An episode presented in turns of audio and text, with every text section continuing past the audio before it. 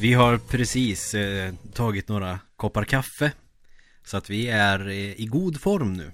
Mm, Det kändes verkligen att det behövdes. Jag piggnade till ordentligt. Ja. Eh, var ganska, uttrycket tung i huvudet. Inte, inte sova trött, men bara tung. Ja, ja, uttömd. Mm. Det har varit eh, mycket nu liksom. Ja, det kan man säga.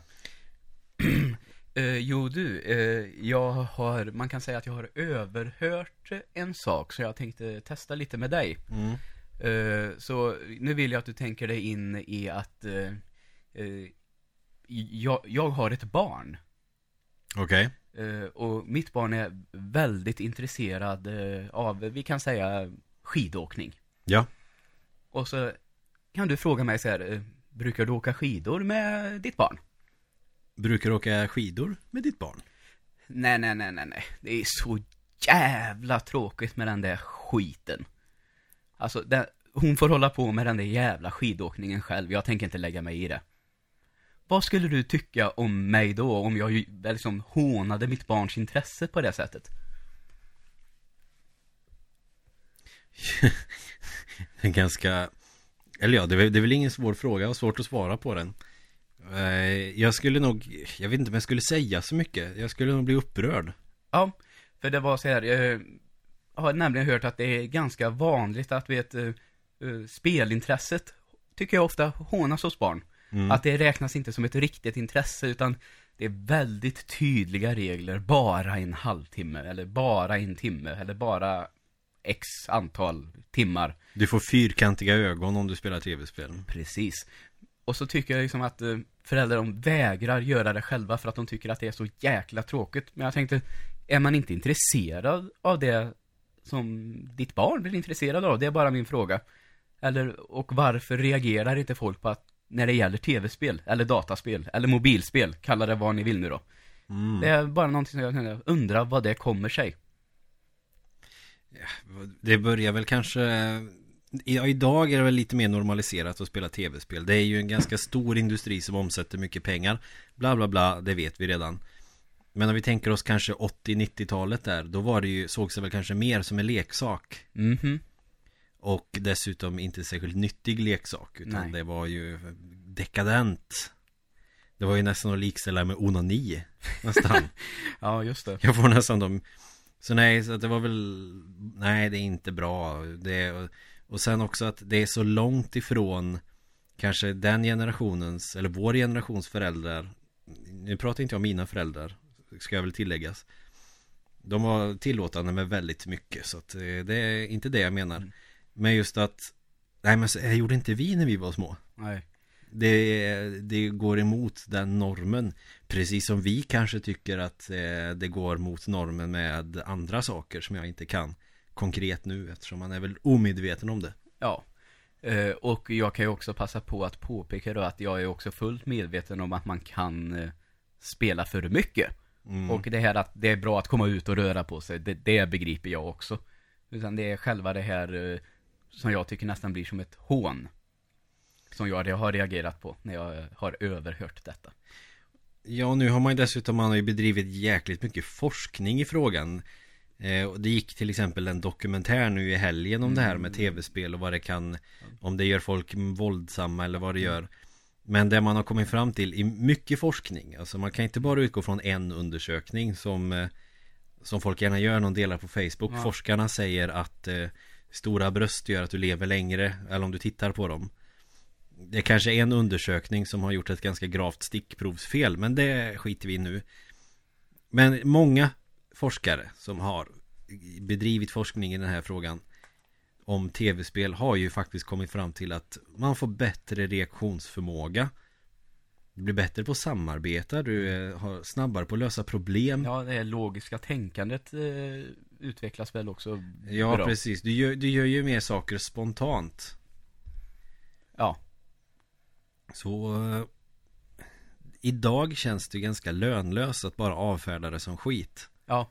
Men eh, vi har inte riktigt kommit dit, även om det hänt mycket så känns det som att det finns en bit kvar ändå. mm. Som sagt var, innan det är helt accepterat. Ja Och bara en sån här grej som e-sport Mm. eh, Nu kan jag bara utgå från min egen erfarenhet av hur folk har reagerat på det Men som att Mm. Nej men det är ju ingen riktig sport Men herregud, tävla i och spela datorspel Det är ju Ja Ja, eh, jag håller med. En sport är det ju definitivt. Det är väl att eh, jag tycker att folk blandar ihop sport och idrott ibland. En Ja. idrott kanske det inte är. Eller Nej. en idrott är det ju inte. Men, Ka- Kanske man spelar Wii-tennis eller ja, någonting just det. Men definitivt sport. mm. E-sport. Ja, det är en sport. Men då kan man fråga, fan är schack en riktig sport då? Nej, det kan ju inte vara i sådana fall Nej. Ja men det är inte samma sak förstår du Mm. Nej men de är väl väldigt eh, bra att jämföra. Båda två är ju en typ av sporter. Man sitter stilla och stirrar på någonting. Ja, Förutom att det är jävligt mycket mer interaktivt rent fysiskt att spela tv-spel.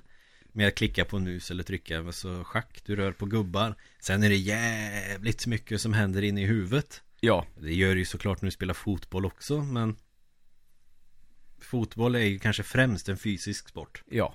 Precis som MMA eller Boxning, taekwondo, innebandy Mm. Låtsashockey eller bandy som man kallar det Ja, Så jag, ja, jag tror att man är väldigt mycket inställd på Men när vi var små då spelade vi fotboll ute på gården Ja Eh, apropå innebandy, liten parentes. Mm. Eh, en kanadensisk eh, utbytesstudent på universitetet, vet du vad han kallade innebandy? Som hur han förklarade innebandy. Nej It's like hockey but for pussies. Tycker jag är lite kul. Det är faktiskt lite kul, ganska mycket kul Ja. Jag kan tänka mig att i sammanhanget var det jävligt roligt Ja. Nej men det är faktiskt eh, en ganska kul diskussion det här Men det är väl, det är väl olika generationer helt enkelt och när den som var vuxen eller i alla fall kanske 20-30 års åldern där på 80-talet när låt säga Nintendo kom Och var den stora nya grejen Alltså Atari och såna här grejer var väl inte så jättestort i Sverige på samma sätt Som kanske i USA. Nej. så vi, jag, jag räknar från 80-talet eh, Och då sågs det ju mer som en leksak. Det marknadsfördes ju främst till barn. Mm. Och sen har väl det också sett som att Ja men de sitter stilla och det är inte bra. Nej det är klart att det inte alltid är bra att sitta stilla. Men eh, Sen får man ju också ha i åtanke att det är Språkinlärning och Ja Jag sammanfattar det All kognitiv jävla verksamhet eh, Och all kapacitet ökar ju Mm. Det är ju bara att söka igenom ett arkiv eh, vart som helst på forskning om det här Så kommer ni säkert att hitta resultat som talar för det här Ja. Eller Absolut. bara göra Google Mm. Tro mig Och jag tror definitivt på det Ja, det gör jag också. Jag ser nog mig själv som ett exempel Mm. Jag lärde mig engelska jävligt snabbt i ung ålder och det var dels Kanske för att jag har lätt för språk eh, Men främst för att jag spelade en jävla massa tv-spel och var nyfiken på vad alla karaktärer sa och såna grejer. Ja. Eller vad betyder det och vad betyder det? Sen måste du ju också lyfta de fantastiska lärarna i engelska som du har haft. Ja, absolut. Jag hade en lärare i engelska i trean på gymnasiet som var fantastisk. Vi hade inte ett enda prov. Åh, underbart. Det enda vi gjorde var Att få det innötat i våra skallar, i våra skallar hur allting funkar Mm. Eh, påminner mig om min franska lärare på gymnasiet då, som i eh, år ett då var stenhård. Det vill säga läxor varje eh, vecka och hela det där köret och Mm. prov och grejer. Sen till år två, det var hans sista år som lärare innan pension. mm. Han bara, nej, vi skiter i det.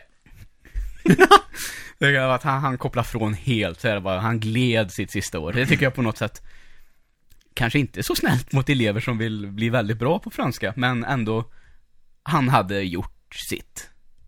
Bara som att han har tänkt det. Det, Nu ju- skulle han bara ha det gött i ett år. det, det är lite som de här lärarna som snart ska gå i pension Nu, nu säger jag inte Nu talar jag inte för det, våran arbetsplats alls nej, det, nej. Eh, Men som eh, är ganska nära pension och efter det här nya eh, skolplanen Mm. som kom. Vad fan heter den? LGY 11 eller Ja. sån där. Det är bra, här är man lärare och kommer inte ihåg vad skiten heter. Men och sen nya betygssystemet och bara Nej, jag följer det gamla. Precis. Ja, okej. Kör på Göran Perssons skola. Ja. Och det funkar säkert. Alltså jag har inga, inga synpunkter, jag lägger ingen värdering i det. Men det är ett kul fenomen. Verkligen. Men ja, och sen har man ju faktiskt haft med mycket tv-spel i undervisning och sånt där. Mm. Uh, jag ser att kanske inte är, här är ett sånt uh, Det här är väl inget educational game per se så Men man ser ju hur mycket Minecraft används uh, som undervisningsverktyg Mm. Både som matematik och för kreativitet Det är ju för att det är ganska fritt spel också. Du kan ju göra jävligt mycket. Jag, jag skulle nästan säga vad som helst men nej, det är väl att ta i kanske. Mm. Men man, just det här med att man kan bygga och samla och göra sådana saker. Det öppnar ju för jävligt mycket sätt man kan expandera undervisningen på. Ja, verkligen Det är ingenting vi använder eh, på våran arbetsplats Nej. så. Eller, eller jag vet inte, men eh, jag tänker kanske främst de som är högstadiet i gymnasiet. Ja, verkligen Det tror jag att det går att hitta på mycket roligt Men Ja, det börjar väl lite annorlunda men ska Ja. vi nu komma tillbaka och börja så som vi brukar börja? Ja, Och men det jag- här är en... Ja, förlåt Joel. Nej, jag tänkte lämna det där, så har du något mer att säga så kan du ta det.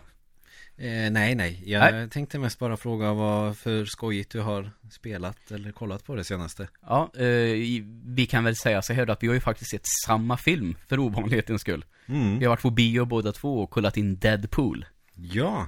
Och vi, jag tror att vi är av samma uppfattning, att vi är väldigt nöjda båda två. Mm. Det var en jävligt rolig film med förvånansvärt bra manus måste jag säga. Ja, jag hade... Jag gillar ju Marvel-filmer men eh, ska jag vara helt ärlig så tror inte jag att mitt intresse är skyhögt. Med tanke på att jag knappt sett någon av de filmerna. Nej. Det är ju X-Men och Spider-Man typ. Det är det. Mm, och du vet ju att jag har ju sett de allra flesta med samma, vi går ju på bio tillsammans eh, på allihop som kommer. Mm. Så det har blivit en grej nu under flera års tid. Så det, man får ju ändå anses vara ett fan av de där filmerna. Mm. Och när jag väl ser dem så tycker jag att de är jättebra. Jag har sett lite av Tor, det verkar inte så jätteintressant. Men jag ska, jag ska ge den en chans någon gång, som jag alltid säger i alla jävla avsnitt. Men Deadpool, första tanken jag hade, ja men det blir en underhållande film. Mm. Det var väl den inställningen jag hade. Och lite sån här, men han är lite kul sådär, lite och lite kiss och bajs humor typ sen. Ja men eh, fast på en Disney-nivå nästan. Ja, ja. Och så är det typ de råaste kukskämten genom hela filmen. Ja, jag vet. Den var ju väldigt eh, rå i sin humor. Eh, och har ju också då som Ibland har jag sett att det här är den första superhjältefilmen som är från 15 år eller serietidningsfilmen, eller comic book movie som är från 15 år. Eh, har jag också noterat då att Blade faktiskt eh, var R-rated, som det heter också. Var inte The Crow det också eller? Jo, det kan vara mycket möjligt att den har varit det, ja. Men eh, kan du ge mig lite eh, spontana tankar du får av Deadpool? Eh, jag tyckte att det var väldigt, väldigt snygg action framförallt. Att det var bra ös när det väl blev action. Och som vi var inne på tyckte jag att humorn och karaktärerna var väldigt roliga. Eh, sen kan jag väl tycka att eh, man kan säga så här att filmen följer egentligen två Två stycken liksom parallella tider. Mm. Det- Man får ju tillbakablickar ibland om hur han blir Deadpool Mm. där tyckte jag, när jag har tänkt lite på det, att ehm, det blev lite för mycket av det. Ja, de, det håller jag med de hoppar tillbaka kanske en gång för mycket. Ja, jag tyckte att den tappade lite i tempo då. Jag satt bara och tänkte, ja men nu vill jag ha action igen. Med alla de här tortyrgrejerna. Ja, det, som sagt var, det blev för mycket av det tycker jag. Ja, och det tar lite, ja, jag, jag, jag håller med det tar lite Mm. tid. Jag hade hellre sett mer om huvudhandlingen. Ja, Man kan säga att det är ju som två parallella Mm. grejer man får se. Man får se då bakgrunden. Det här med att han får cancer och så här och Mm. så får han erbjudande om att de kan bota den då. Och Ja. där, där någonstans tycker jag, men nu köper jag det fortfarande så att jag Mm. tänkte ehm, Om man delar in den, man brukar dela in filmer i tre akter Mm. Så tyckte jag att första akten var väldigt stark Andra akten tappar den väldigt mycket tempo i Mm. Och så hittar den tillbaka till tempot igen i akt tre Så det är, det är i mitten där som jag tycker att eh, den blir lite seg. Men, och så ska man då se på hur den eh, Hur den går då från början till slut Alltså själva handlingen om man ska se det som nutid Så är det jävligt lite sånt jämförelse med tillbakablickar Ja, Vilket gör att den känns jävligt påskyndad mot slutet ja. Okej nu Eh. gör vi det här jävligt snabbt Nu ska vi bara ha en slutfight liksom Ja. så. Samtidigt som det kanske låter lite, eh, ja nästan paradoxalt att säga att eh, eh, Samtidigt som den kändes påskyndad så kändes den också längre än vad den var, tycker jag. Förstår Ja. du? Att den är under två timmar men kändes nästan som över två timmar. Jag kände nästan som två och en halv Det var väldigt mycket som hände Ja. Och ändå så tycker man att det är påskyndat. Ja, det är Mm. svårt att förklara men eh, det vore kul att höra. Är det någon som har sett den så kan ni ju höra av er. mm. Och vore kul att höra er uppfattning. Och en liten parentes också Det är ju att jag har ju alltid fått mig att framstå Kanske för att jag är en sån också Lite av en grinkuk som inte tycker att folk ska sitta och skratta hela tiden på bio åt meningslösa saker Men den här gången så eh, brydde jag mig inte ett skit för nu var jag fan en av dem Jaha. Så ja Även den blinda hönan hittar ett korn ibland Ja, men... Eller so solen har fläckar eller vad fan man ska kalla det Mhm, mhm. Och så får vi lyfta som du sa här innan vi började. Metahumorn var väldigt snyggt gjord. Mm. Ja, det var massa såna här roliga skämt. De hade Hugh Jackman liksom på Mm. en tidningar och så bara äh. Mm. Eller när han säger att eh, ja men vems kulor har du fått smeka för att få göra den här filmen ungefär? Ja. Och han säger ja jag kan ju inte säga vem men det rimmar på Polverine. Ja. Precis. Och bara, bara det här låter ju jättepajigt när jag säger det förstår ju Men i sammanhanget blir det jävligt kul på något vis Verkligen. Eller när han går till X-Men-huset bara Det här är ett jättestort hus med en massa såna här mutanter Men jag ser bara er två här Mm. Man skulle nästan kunna tro att det här är en film där de inte hade råd att ha med fler X-Men Ja, ja. Precis, det är bra exempel på Kanske vi spoilar lite, men det spelar väl ingen roll. men Fan man ser väl inte den här filmen för storyn Nej. eh, Så, och den är liksom, de kommenterar precis det jag satt och tänkte på Mhm, mm. eh, Och det här kanske är lite av en spoiler alert eh, Ingen kanske jätteviktigt så sett Men vill ni inte ha mer så fan spola fram en minut eller två då Nu börjar vi Jag gillar ju, precis som du, att vänta på eftertexterna Ja. Så man får se scenen i slutet Mm. Och då sitter man ju och undrar vad det blir för någonting kul liksom Det här Ja, får ja. de ju gärna göra en uppföljare på Mm. Och så driver de med det också Ja, ja. Bara, fan är ni kvar? Men gå hem Ja, men det, det är lyckat faktiskt. Mm. Mm. Att de liksom snappar upp sådana grejer Att folk gör sånt Ja. Eller att de gör det också i sina filmer förstås. Det är... Ja så Ja, Jag rekommenderar att ni ser den filmen. Definitivt. Det gör jag också. Och eh, man slapp se den på 3D också Vilket eh, Är en pluspoäng för min del. För det är dyrt med 3D Och, eh, och det, det kan vara bra. Men det, jag tycker inte att det är nödvändigt. Jag kan få lite ont i huvudet när jag läser undertexterna i 3D Mm. Uh, ja, som sagt var, jag gillar ju det. Så Mm. där är vi ju inte riktigt överens. Nej men det gör ingenting Utan att jag tycker att... eh, Vi kan vara kompisar ändå Ja, att det mycket har handlat om en vanesak när det kommer till 3D, tycker jag. mm. Ja för min del så behövs det inte Det är en kul bonus kanske Men jag, jag Kan jag betala Mindre för att få se den utan 3D Då gör jag det Ja, okej, okej. Men, eh, ska vi lämna Deadpool? Ja, det gör vi. Och så en liten inflik. Ni kanske hörde hur jag flyttade på stolen och rörde på mig. Eftersom jag har eh, en mikrofon som är ganska känslig och jag är dålig på att ställa in. Eh, Jag plockade fram DVD-fodralet till The Crow och den är det 15-årsgräns på. Ja, det är det ju faktiskt. Och för övrigt en sjukt bra film. Ja. Sen ska vi väl, det låter i och för sig bara låta det vara osagt huruvida den är så att säga R-rated eh, då. I Mm. USA, för det är väl inte riktigt samma system. Eh, Nej. Men det skulle inte förvåna mig om den var det också. Nej, den kanske vi kan prata om en annan gång. Ja. Det finns ju ett par versioner av den här filmen. Det finns ju några uppföljare på den också, men de ska tydligen vara PS-dåliga. Med Brandon Lee och han som dog. Mm, och The 69 Eyes är sån där äh, gothic metal band Mm. från Finland har gjort en låt som heter Brandon Lee. Ja, ja. Okej. Asbra låt det här också. Gött. Det är en av mina stora skämslåtar tror jag. Okej, okej. Kråka. Box Office-hitten Kråkan. Mm.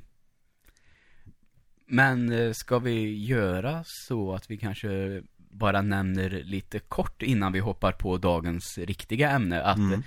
eh, jag har ju, du har kommit igång ordentligt och jag har börjat på Dark Souls 2. Och just nu är jag bara förbannad för jag känner att eh, det gick bra men nu känns det som att jag har kört fast lite så jag behöver nog komma in i det lite mer ändå. Ja, det är ju ganska typiskt eh, för min del också med Dark Souls. Eh, när vi pratade med Max till exempel förra året och när jag har pratat andra gånger. Jag har ju fått börja om på det tre gånger innan jag hittade min grej. Ja. Så det är ganska kul att du upplever ungefär samma sak. För det är i början av spelet som man hela tiden, eller man, jag och du bevisligen. Så, man bara, vad fan ska jag göra? Ja, framförallt så är det så här nu att jag känner att eh, jag dör verkligen hela tiden. Och så- de säger att ja, man dör mycket, men alltså nu dör jag så mycket att eh, jag inte ens känner att jag hinner göra ett framsteg. Nej. Förstår du? Det är lite frustrerande just nu. Men jag tror att jag har kanske varit lite för seg när jag har valt att spela också. Mm. Jag är inte riktigt med i matchen. Och detta är ju också sånt spel man får nästan eh, sätta sig i soffan med en dosa i näven och gå och bara ha inställning ah, okej, jag kommer att dö hela tiden. Mm. Jag kommer kunna döda en fiende, dö på nästa. Och nog för att det märks att det är ett svårare spel än vad Bloodborne var. Men det kände jag hela tiden att, ja men nu har jag nog fått med mig lite här. Mm, Och så blir det, gick det lite bättre hela tiden. mm. Här känns det som att det går inte alls det minsta bättre, utan nu har jag de där, vet du, de där små riddarna som är det när man har dödat den här Dragon... eh, blablabla. Dragon Rider. Ja. Och de slår ihjäl mig hela tiden. Mm. Och jag kommer liksom inte in, ja men... Om jag gör så här, nej då gjorde han en ny attack. Om jag provar så här då, nej men en tredje attack. Så att liksom jag kommer aldrig förbi ens att lära mig den. Nej, de har oförutsägbara mönster ibland och det, det, kan, det är ju helt eh, random vilka attacker de börjar med och så vidare, eller vilka Mm. de följer upp med. Så att man kan ju inte lära sig ett visst mönster utan du måste helt enkelt lära dig alla små mönster. Ja. Sen får vi väl också påpeka att det är Scholar of the First Sin som vi kör. Ja. eh, De små riddarna är ju inte med i den vanliga Dark Souls 2. Nej. Det är alltså alla expansioner, eller alla DLC Mm. med. Från redan från början. Det är det man köper till PS4. Ja. Så det kör vi på. Jag har kommit ganska långt nu. Eh, jag är på... Ja, fan, jag har glömt. Ja, Jag, jag vågar inte gissa på vad fan skiten heter. Men bossen är en stor jävla spindel i alla fall. Aha, okej. Med två huvuden, ett, ba- ett fram och ett bak. Och det gick svinbra. Eh, och eh, det var inte mycket liv kvar och sen så eh, flyger den på och biter mig. Ja, okej, det är ju sånt som händer. Men den här har massa små spindlar runt sig hela tiden.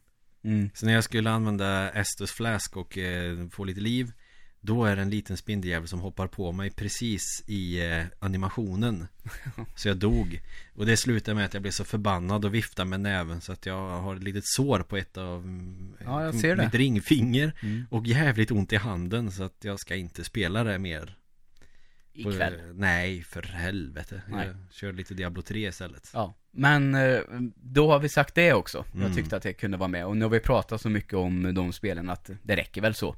Ja. Vi kämpar på.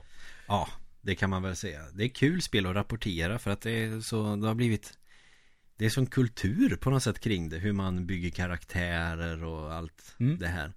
Vill ni höra prata mer om Dark Souls eller om ni vill höra Max prata om Dark Souls, han som är ändå proffs på det spelet. Så har vi ett avsnitt tillägnat Dark Ja. Souls-spelen och Bloodborne. Ja. Men då, Emil. Mm. Dagens ämne. Ja, det är dags nu att prata om Resident Evil. Ja, som ni kanske kommer ihåg så har vi pratat om både filmremakes och spelremakes. Och vi tänkte väl avsluta den lilla serien nu Mm. med att prata om eh, rem- remaken på det första Resident Evil en liten stund. Ja, och då kanske man undrar varför gör man en så stor grej av remaken på Resident Evil för? Min spontana tanke till den frågan är ju att det här blev ju en jävligt stor franchise, Mm. får man ändå säga. eh, Kritiker har ju hyllat i princip alla spelen i serien Mm. Sexan har väl fått lite sval kritik Ja, det kan man säga att det har den ju faktiskt fått. Och vi har ju gnällt lite på det också Ja, Fullt spelbart, ganska kul Men det är inte i närheten av de andra Vi har ju till och med räknat det lite som en spelserie som ballade ur ja, eh, Utan egentligen att nämna att det kom ju Resident Evil Revelations 1 och 2 Första spelet körde jag på 3DS, det är skitbra Och jag tänker att som plåster på såren för att sexan var så dåligt som det var så släppte de ju en eh, En konsolversion då på Resident Evil Revelations Mm. Och det har fått en uppföljare också som jag har påbörjat Verkar jävligt lovande släpps i episoder va? Ja, Mm. Eller alla episoder tror jag släpps. Jag köpte Season Pass så jag kan köra okej. alla. Ja, Eh, Så det kan definitivt vara värt att köra det. Men eh, det märks att det är lite mer åt PS3-hållet där För det flyter på bra och är inte riktigt lika snyggt som nej, PS4-spel Nej. eh, brukar vara. Och det finns ju och vi, Det finns ju massa spin-offs på Resident Evil som vi säkert skulle kunna prata om i ett spin-off avsnitt. Ja, exakt. Vi får nästan spara det till det. För jag har inte spelat alla dem. Som Outbreak och Survivor och de här. Nej, Första. Survivor har jag spelat. Mm. Men Så det är onödigt att börja prata om spel man inte har spelat. Ja. Eh, och Nu för att fortsätta mitt resonemang kring det här att det har blivit en stor eh, franchise. Första spelet det, är, det var ju liksom eh, satte standarden för hela su- survival horror-genren. Mm. Och det här har vi pratat lite om också, men det tåls att nämnas igen. Det var inte det första, utan Alone in the Dark är väl typ det första. Ja. Eh, Och Resident Evil är dessutom eh, bygger på idén om det här med en herrgård ute i skogen någonstans. Det är ju från ett tidigare Capcom-spel som heter Sweet Home. Mm. Okej, ja ja. Mm. Och det finns en engelsk översatt version för det släpptes bara i Japan. Mm. Det har jag spelat lite grann, det är jävligt trevligt. Är det fanöversatt eller? Ja, det är det. Ja. Eh, Men eh, det, är ju ett eh, RPG Mm. som utspelar sig då i en stor herrgård. Men, och så lite pussel, man ska hitta nycklar och sådär. Och det här har de ju på något sätt fört över till Resident Evil.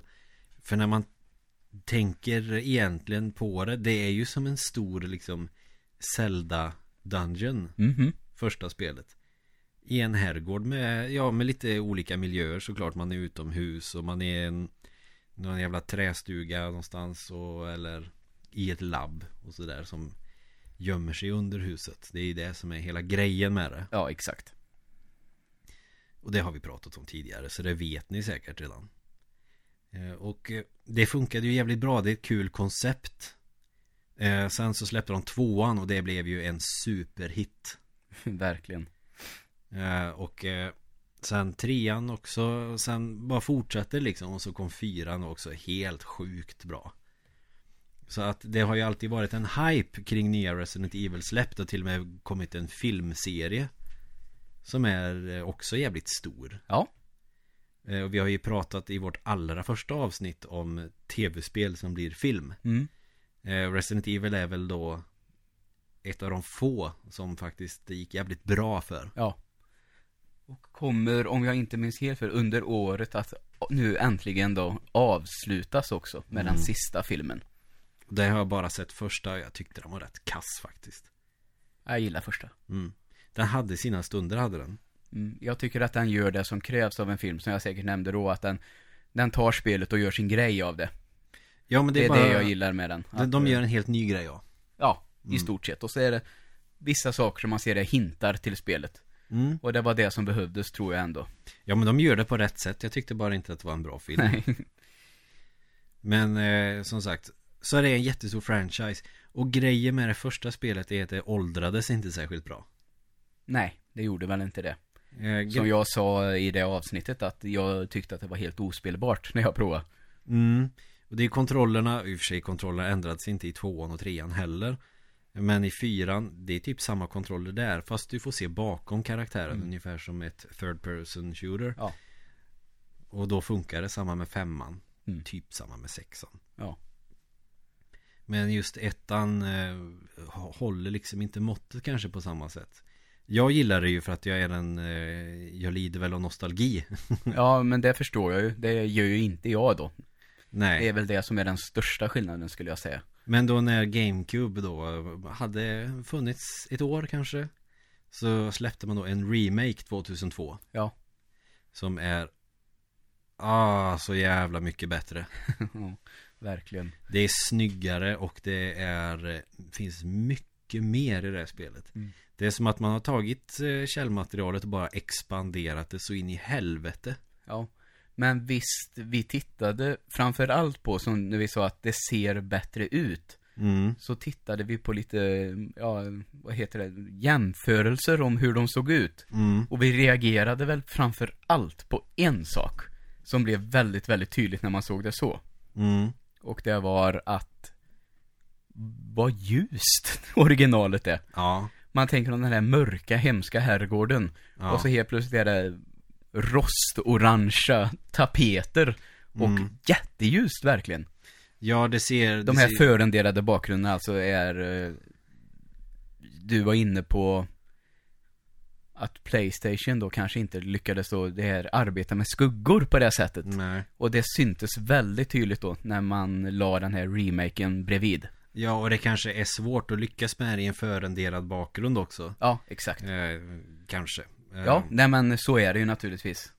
Och tvåan är ju också ganska ljus liksom Mm. på sina ställen. Fast man är mer utomhus på det där. Och eh, där lyckas de ändå med att ha miljöer som är ganska mörkare och läskiga. Mm. Och tvåan har åldrats mycket bättre än första. Ja. Eftersom det känns bättre kontrollmässigt, storymässigt är det helt okej. Action-elementen är klockrena. Mm. Eh, med de limitationer som finns såklart. Ja. Och den här remaken, jag tänker också det Det är lite såhär 90-talsfärger som det här med rostorange och Mm. ganska tydliga färger. Man kan se allting väldigt tydligt. Men i den här remaken, det är mörkt trä och det är lite smutsigt och mer detaljer på väggarna. Det ser ut som en herrgård helt enkelt. Ja, en herrgård som har gått ner sig lite grann. Mm. Inte att den är gammal och har mörknat liksom, men att det har gått ett tag utan att någon har tagit hand om den. Ja.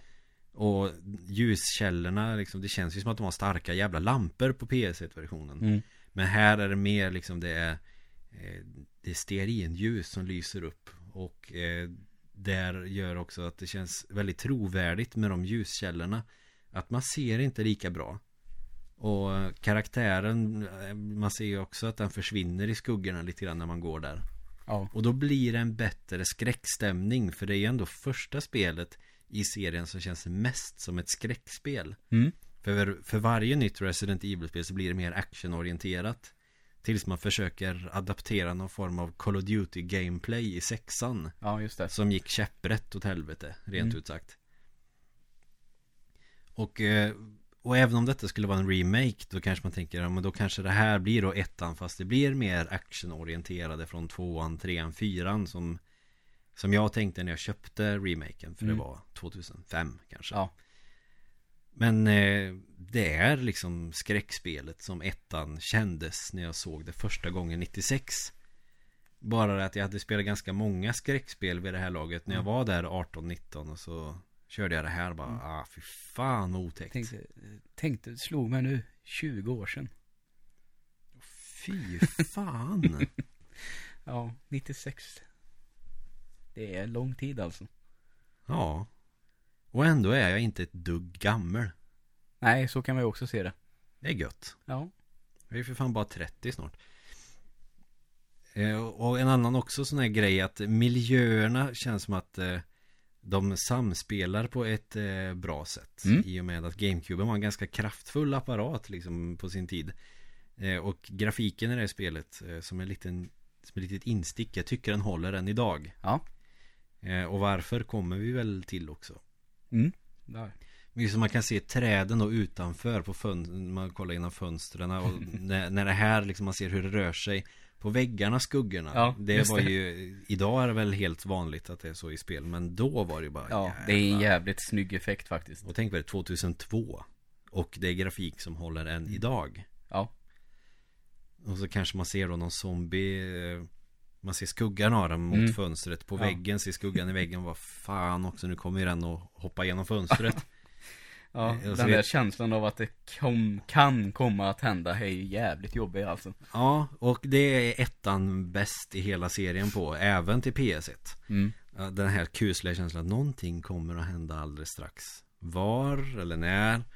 Eller hur? Och så bara, nej, det hände ingenting. Och så går man in i ett rum och trixar med ett pussel. Sen när man går tillbaks ut så är den här skuggan borta. Ja. Då blir man så här, nej, Ja, fy fan. nej, nej, nej, nej. Då kommer väl den där jäveln genom fönstret Mm. till slut då.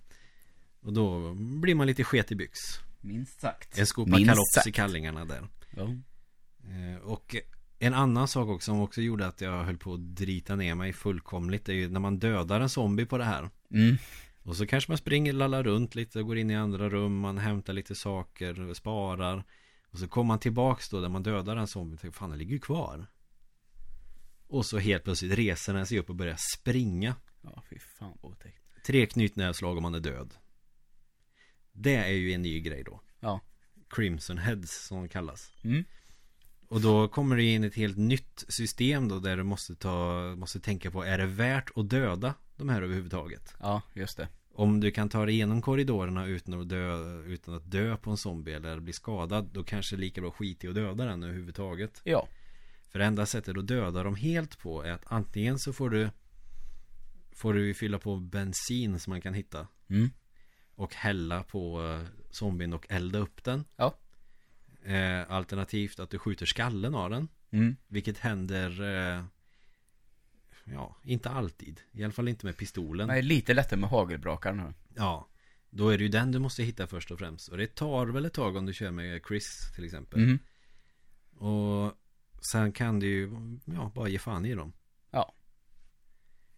Så det gör ju också att panikmomentet Läggs till ytterligare Det kommer någonting nytt som bara Aha Mm. Smart drag. Jävligt smart Och det finns ju inte med i något av de andra spelen Nej. Och eh, i och med nyare spel så har de ju tagit bort zombies mer eller mindre helt och hållet Ja. Med eh, ett undantag då för Leons kampanj i sexan Ja, precis.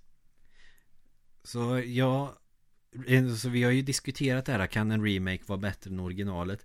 Och i det här fallet skulle jag vilja säga att det är så Ja, det, har man bara det vi har sagt hittills så hör man ju verkligen att det är, ja, det är ett bättre spel. De har finputsat det så pass att det har blivit bättre. mm. Och eh, för att alla de här Resident Evil eh, då, som fanns då kom ju till GameCube eh, Samma, de flesta kom ju till Dreamcast också De som var aktuella då Och då var det ju tvåan, trean, Code Veronica Mm. Och på GameCube då har ju Resident Evil Zero, ettan, tvåan, trean, fyran och Code Veronica Ja. Men eh, så vet jag tänkte, ja fan men Resident Evil 2 och 3 finns på GameCube Vet jag, jag köpte dem och tänkte, är det också remakes eller? eh? Men nej, det är typ samma som Dreamcast-versionerna Okej. Okej. Och anledningen skulle väl i så fall vara att de har ju åldrats rätt bra Ja, Så att man behöver ju inte göra någonting med dem precis. Men precis. ettan hade inte åldrats bra Och då gjorde man om det Ja. Till det bättre Eh, det är, Man har lite mer utomhusmiljöer till exempel. När man går upp för första trappan i första rummet där Så finns en dörr ut Som inte finns i, originalet. Eh, och där vet jag man kan gå ner för Man kommer till en eh, Till någon form av kyrkogård. Så det finns lite mer sånt. Och så kan man gå ner för en lång trappa Och där är det en stor likkista som hänger i kedjor. Så man också tänker fan det kommer hända någonting här. Det är typ det bland de första ställena man är i det här spelet. Och det vet jag också. Jag tänkte nu kommer ju någonting hända. Det kommer ju flyga ut någonting ur den där. Det, det är ju liksom inget snack om saken. Så hämtar man då första nyckeln i spelet så nej Det händer ingenting. Utan det, det kommer sen. Ja. Det är ju typiskt. Ja Ganska långt senare i spelet. Och sådana effekter gör de bra i det här spelet. Mm. För vi har ju pratat om Jag tror vi har pratat om det Antingen i podden eller om vi gjorde det efter inspelning av en podd När vi pratade om skräckfilm i förra remake-avsnittet Ja. Om det här att de bygger upp en stämning ah, ah, och så händer ingenting Nej. Och så att eh, man eh, avtrubbas från skräckmomentet Eh, kallas väl för false jump scare, tror jag. Ja Eh, och de använder väl typ... Och det går att göra bra, kan man väl säga. Ja, och de har gjort det bra i Resident Evil. De, de stegrar inte i musiken eller någonting. Nej. Utan det är ju den egna upplevelsen man får. Att man får ta det jävligt försiktigt. Och så kommer man undan bara. Uh, blir lättad av att det inte händer någonting Mm. för stunden. Ja. Så det, den kusliga känslan finns i det här på ett jävligt bra sätt. Sen är det mycket som är ganska samma. Det är en del nya pussel och sådär. Ja. Som eh, man får ha mm, Man kan klara sig ganska bra på det om man har kört igenom första till Playstation 1 Att man kan klara sig ganska bra på det man kan Från den versionen. Eh, Men det räcker inte för att en del saker har flyttat på sig. Eh, Spelet är överlag mycket svårare också. Mhm, mm. det är lite snålare med ammunition och eh, Fienderna gör mer skada. Så att man får vara lite mer försiktig i det här. Vilket också gör att eh, panik och kuslighetskänslan och det här Med att man är så jävla utsatt Man är ändå typ, typ själv i det här jävla huset Den blir lite starkare då Och som jag pratade om Kan det vara för förra avsnittet eller vid en annat tillfälle att man känner lite den här känslan Fan, är det verkligen värt att fortsätta? ja. Man Och vågar knappt. Ja, och det är ju inte för att man tycker att det är tråkigt eller för svårt Utan det, man får den här härliga hopplöshetskänslan Som man ändå vill kämpa emot Det blir som en eh, överlevnadsinstinkt Mm. Tycker jag Ja. Så det är kanonbra i remaken Mm. Och GameCuben kan ju fan visa riktigt bra grafik Ja.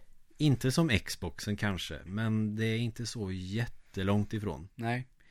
Eh, men någonting som både du och jag reagerade på. Det är att eh, det är inte 16.9. Det är inte gjort i widescreen. Nej, det var ju också det Och för- 2002, det känns ju lite konstigt va? Ja, För då fanns ju de apparaterna ganska spritt känns det som i alla fall. ja, ja, ja, vad fan Det känns väl som att ny teknik Ska ju funka bra med annan ny teknik Ja, precis. Nu vet jag inte hur fallet är med PS2 Men den borde väl ha visat widescreen Den kunde ju spela DVD-filmer och hela det kittet Samma med Xbox Ja. Som också var ett jävla monster på den tiden Om man ser prestandamässigt Ja. Eh, vet inte, kan det ha att göra något med att originalet inte var i widescreen och att det var svårt att få till kanske? Ingen aning Nej. För jag tror att GameCuben borde ju ändå vara kapabel till att visa widescreen Ja, eh, det tror jag väl att det finns andra spel som gör på den eh, maskinen. Ja, för i den generationen som inte jag minns helt fel så var ju GameCube näst bäst efter Xbox. Ja, det, ja, det tror jag säkert att den var. Det låter rimligt i alla fall. Mm. Och så var den liten och kompakt också. Ja, fantastisk apparat. Mm.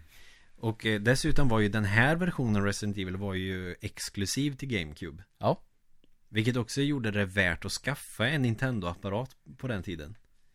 Alltså förutom då att man bara köpte Super Mario och Zelda så fanns det andra exklusiva titlar. Resident Evil 4 var ju exklusiv från början men det kom ju till eh, PS2 sen. ja, Eh, sen släppte de ju också eh, ett nysläpp på Resident Evil-remaken till Wii. Den har jag dock inte spelat så jag kan inte säga så mycket om den mer än att på något sätt skulle den väl använda Wii-kontrollerna på ett helt annat sätt. Ja. Och där är jag faktiskt ganska nyfiken för med tanke på att det är ganska stel kontroll.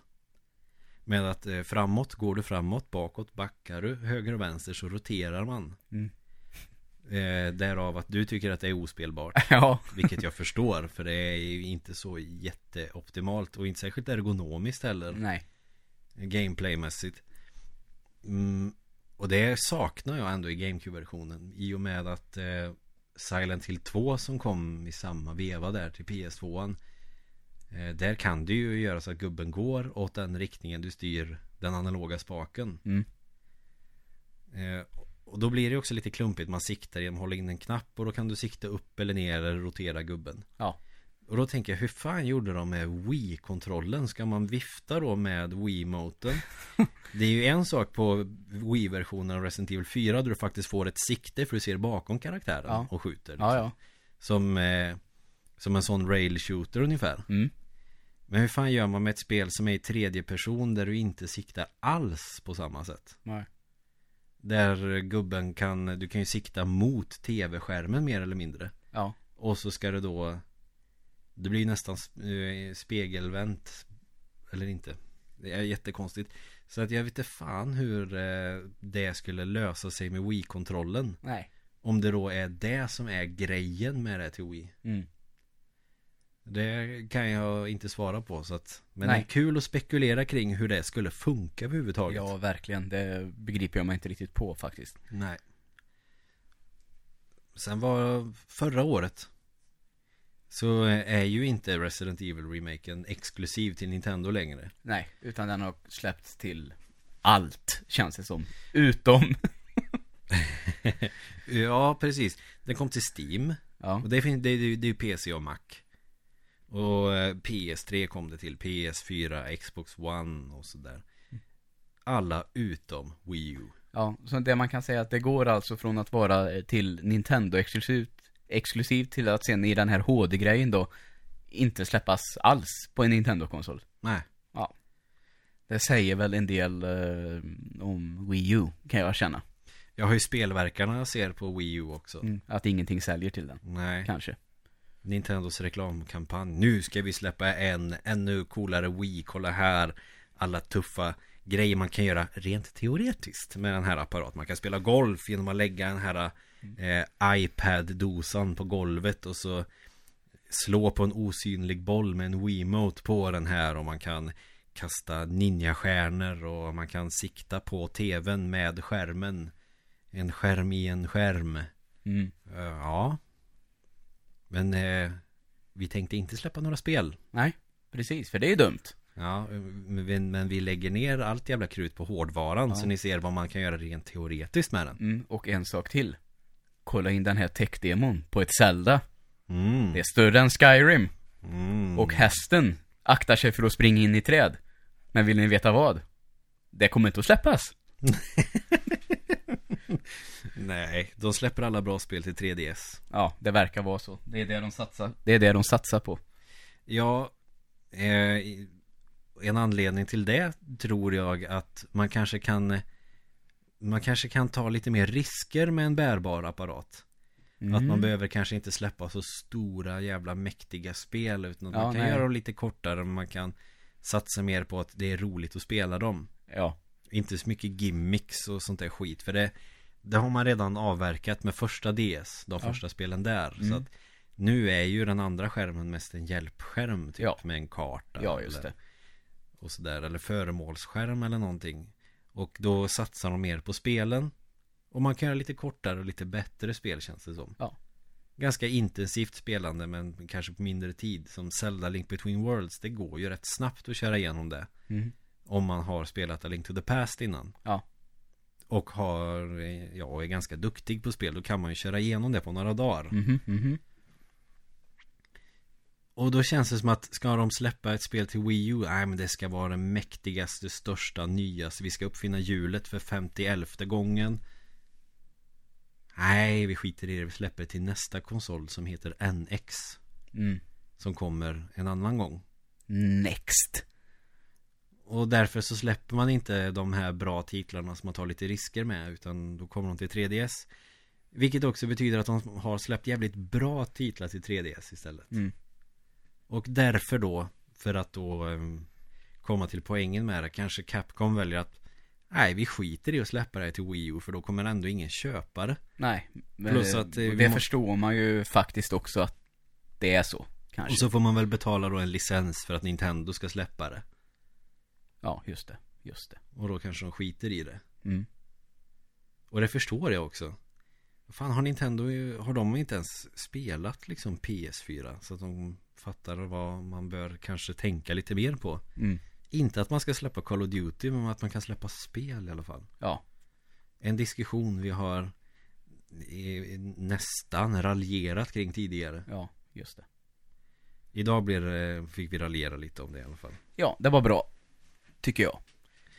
Och den här HD-remaken Jag övervägde om jag skulle köpa den Men jag tänkte fan är det värt att köpa En remake på ett spel som jag redan har köpt två gånger Nej, det är ju en rimlig fråga faktiskt. Jag ha- hade eh, original till PS1. Det har jag inte kvar längre. Men jag har köpt det en gång. Sen köpte jag remaken. Ska man då köpa HD remaster på remaken? Ja, nej, det är, kanske bara är ett par hundra lappar men ändå, det är ett par hundra lappar. Ja, det är väl 179 eller någonting på Playstation Network och då, nej, kanske inte. Nej. Eh, Men nu så läste vi, vi läste på lite innan vi gjorde det här avsnittet och då blev jag lite mer sugen ändå. Ja, det blir ju lätt så. Eh, och kanske då främst för att eh, jag tittar på kontrollerna för att de var ju förlegade redan 2002. Ja. Men idag eh, har de ju lagt till då det som jag saknade då att när du styr framåt går gubben framåt. Styr du vänster går gubben vänster. Och så vidare. Ja, de har fixat till kontrollen helt enkelt. Ja, det Då är det kanske, de har gjort. eh, då kanske det är dags för mig att spela igenom det också. En gång Mm. själv. Ja. Så det kanske är så att har man inte spelat eh, PS1 originalet Då kanske man inte vill lägga de hundralapparna Vad kan det kosta? 300-400 spänn kanske att Mm. köpa det Begagnat till GameCube Nej, just det. Om man nu inte älskar GameCube jättemycket Men då kanske det är mer värt att lägga pengarna på PS4 eller Xbox One-versionen Verkligen. Där du dessutom får eh, HD-upplösning i 1080p Just det. Och det är ju inte dumt Nej. Och jag tror dessutom att de har gjort lite ändringar då på karaktärerna och sådär För att det ska funka bra med HD Ja, det låter väl inte helt orimligt att de har gjort det. Nej Men det är ju samma motor och sådär Mm. Förmodar jag så att det är ju ingen remake Nej. Och den grejen har vi också diskuterat kring Ja, det har vi ju. Kanon Det är väl egentligen inte så mycket mer eh, Man kan diskutera kring det spelet Per se Nej, det är väl inte det. Men, och därför så får jag då chansen För jag tänker vi har lite tid kvar som vi kan Sitta och spekulera Och sådär Eh, Eller diskutera för den delen För Resident Evil Zero kom ju till eh, GameCube Det utvecklades till Nintendo 64 först Mm. Det kommer, det vet jag vi pratar lite på Ja. Eh, Men Vad fan var det? Är det fyra år sedan? Eller mer kanske Som du och jag och Max satt och körde igenom Ettan, tvåan, trean, fyran, femman Ja, det måste ju varit 2012 eller något sånt där. Så det är nog fyra år sedan. mm. Ungefär. Då vi satt oss och körde igenom alla de eh, som fanns då Sexan kom väl 2012 där Men det var innan det kom som vi körde igenom Mm. Eh, Men det var några som vi inte körde Vi körde inte igenom Code Veronica För att andra skivan och min eh, Dreamcast eh, utgåva av det är kass Sen körde vi inte Resident Evil Zero heller Nej, det gjorde vi inte.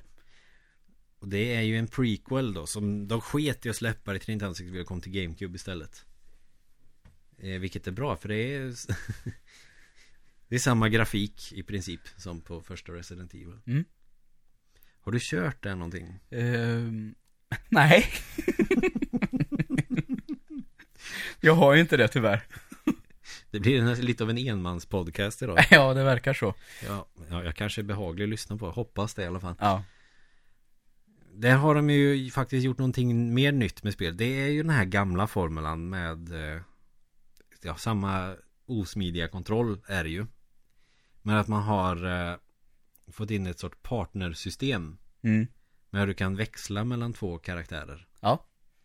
Och det var ju faktiskt jävligt schysst. För att eh, det är ju bra när man det är, det är ju en hel del backtracking på de här. Man får springa jävligt mycket. Okej, det är en dörr där borta. Jag har inte öppnat. Fan, det tar Det tar tre, fyra minuter att springa dit bara. Mm. Här kan du ju göra så att du kanske är någonstans med en karaktär och utforskar. Sen fan, jag ska ju kolla det rummet också. Ja. Då är det bara att byta karaktär som Mm. är där. Ja, det är ju smart.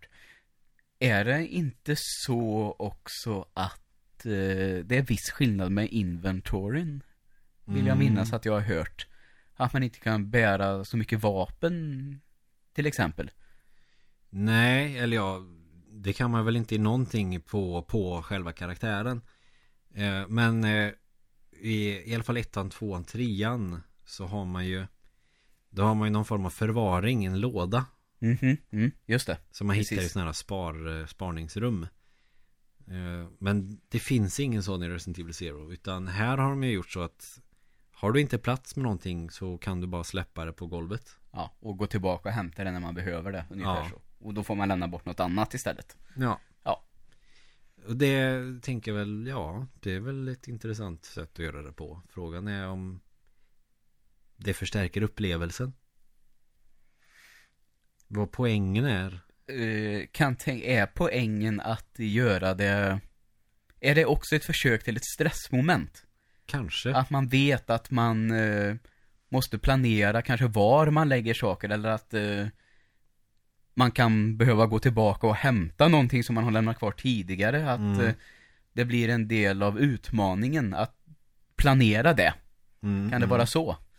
Så kan, ja, jo, det är väl klart att det, är- tanken kanske är så. Men när jag spelade det upplevde jag det mest som att fan, var la jag den jävla grejen nu då? Ja, jo, det ah, jag behöver en nyckel där. Vart kunde man ge sig fan på att det skulle vara ja, så. Och så är det bara, fan, har jag lagt den någonstans?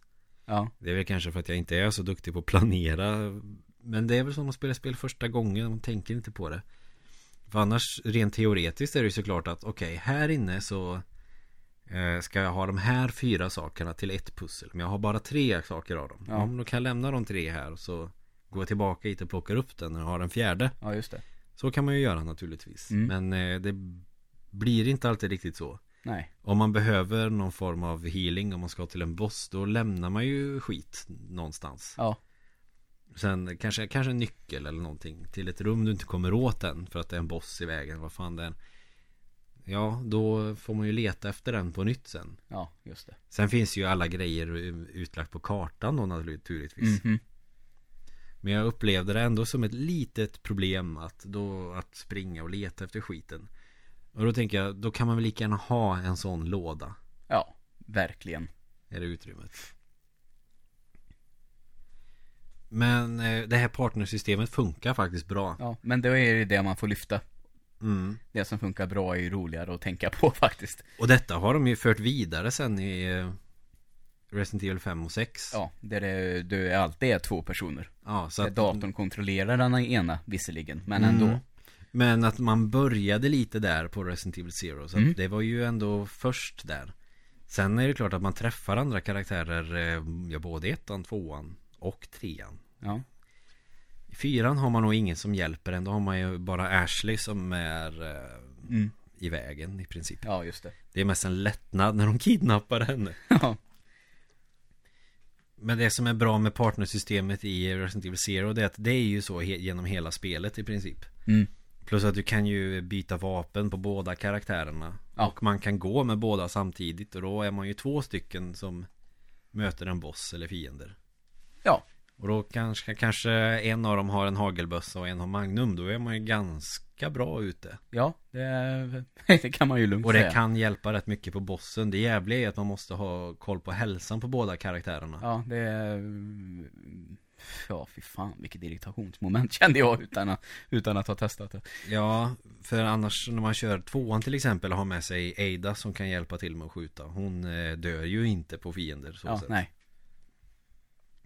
Så det är väl en, en liten nackdel då Mm. Men eh, fördelarna väger över Ja. Det tycker jag är bra Vad bra.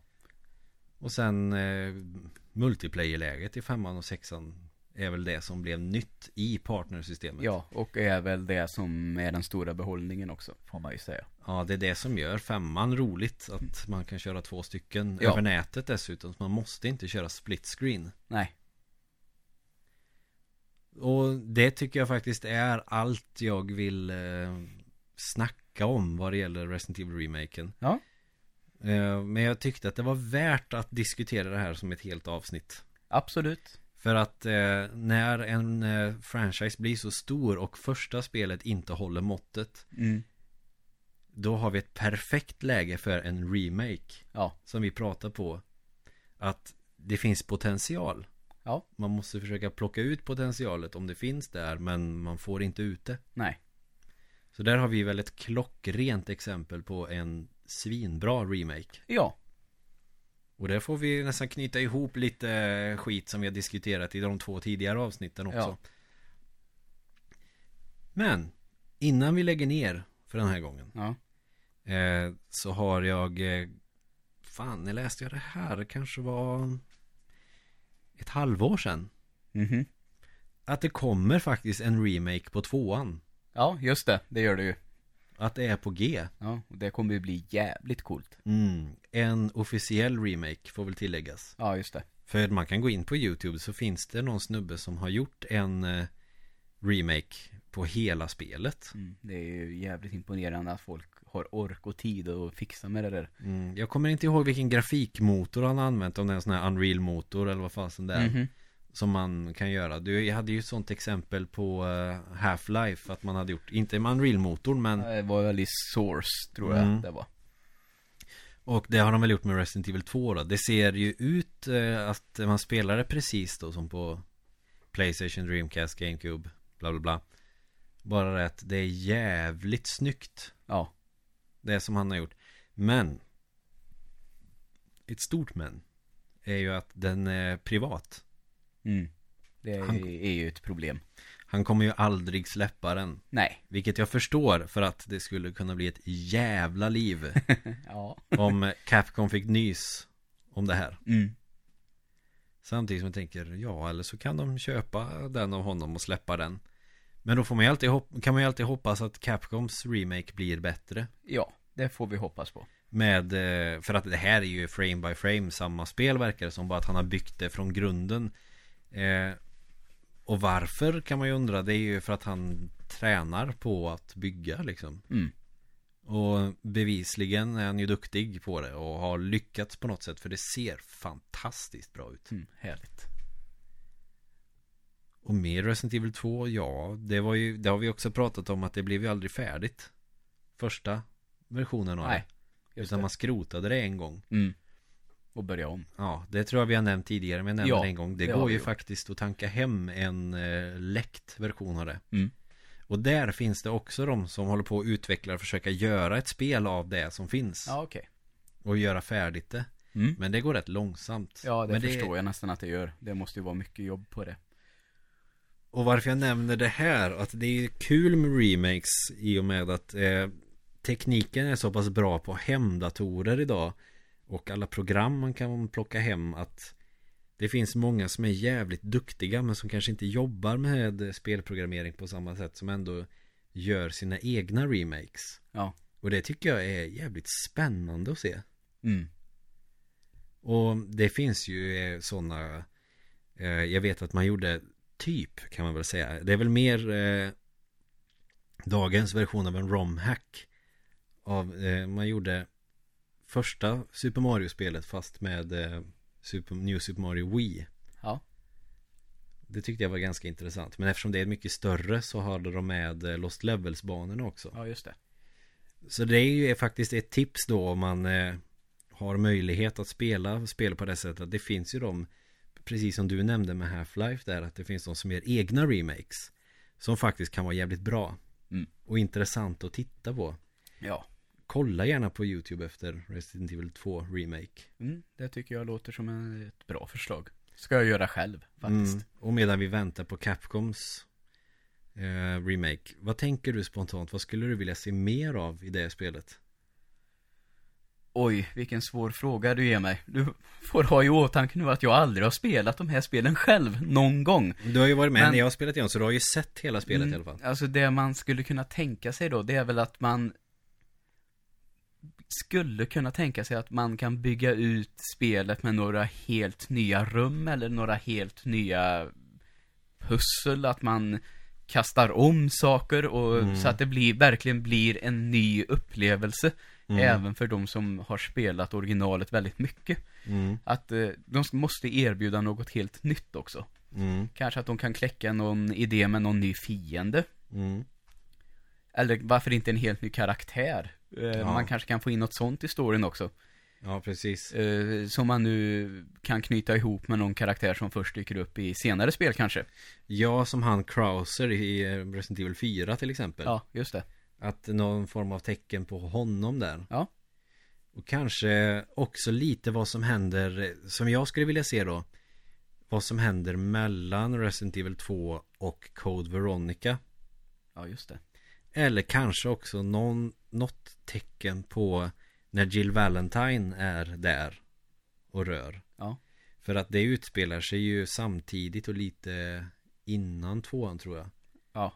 För man får Exakt. ju ändå tänka på det att man, de spränger ändå Raccoon City och grejer där. Ja. Så mer sådana grejer skulle jag också vilja se. Mm. Exa- jag, jag tänker exakt som du också naturligtvis. Men också kanske lite mer story när man åker iväg med det här tåget, vad som händer sen. Mm. För det kanske är mer skojiga grejer. Ja. Precis. Bara för att fylla ut det lite grann. Mm. Det skulle jag vilja se också. Eh, och kanske att man gör helt nya pussel. Ja. Så att man får nästan som ett he- helt nytt Resident Evil fast man kan ha samma story bara. Mm. Och det behöver ju inte vara så många ändringar i storyn heller. Eller eh, vad eh, vad Ada gör efter att man tror ju att hon dör där. Ja, exakt. När, man, när hon har blivit eh, sönderslagen. Man släpper ner henne för det här stora stupet där i labbet. Mm. Vad hon gör där eller Ja. Sådana grejer skulle Mm. man vilja se mer av. Det känns ju logiskt att kunna eh, visa det den här gången. Mm. Bygga ut mer av Hunk. Sen finns det ju eh, Resident Evil, eh, fan är det Chronicles som är en rail shooter. Men vi skiter i den. Och tänker hur vi skulle vilja se det i en remake på tvåan. Mm. Så man kan ju alltid hoppas där någonstans. Ja. Härligt. Ja. Där kan vi nog knyta ihop säcken. Ja. Det var ett avsnitt till. Ja, Det går fort. det går jävligt fort. När man sitter och kontemplerar kring sina gamla favoritspel. Ja. Och vi säger väl som vanligt att hör jag gärna av er med både tankar och idéer på vad vi skulle kunna prata om. Mm. Eh, Facebook-sidan är väl det allra lättaste tycker jag. Ja, sen har vi massa idéer och saker vi skulle kunna prata om. Men det är ju alltid kul att få en kommentar för att det kan ju vara någonting som eh, kan te sig självklart men som vi totalt har missat. Ja. Bra. Yes. Glöm inte att följa oss på Facebook för Nej. all del. Vi har blivit ganska aktiva där nu äntligen. Ja, det verkar så va? Vi postar och du hade ju eh, visat lite när du var på LAN i helgen. Ja. Ja, LAN. Det var lite mini-LAN i alla fall. Ja, och så eh, la jag upp ett eh, skojigt videoklipp när jag spelade Duck Hunt också. Ja, som ett proffs. Så om man inte vill missa de grejerna så sök, kolla oss på Facebook och för all del Instagram också. Ja. Fyrkantiga ögon med nolla istället för ö. Japp. Det är där man hittar oss. Absolut. Så tack så mycket för att ni har lyssnat. Så hörs vi. Ja, tack så mycket.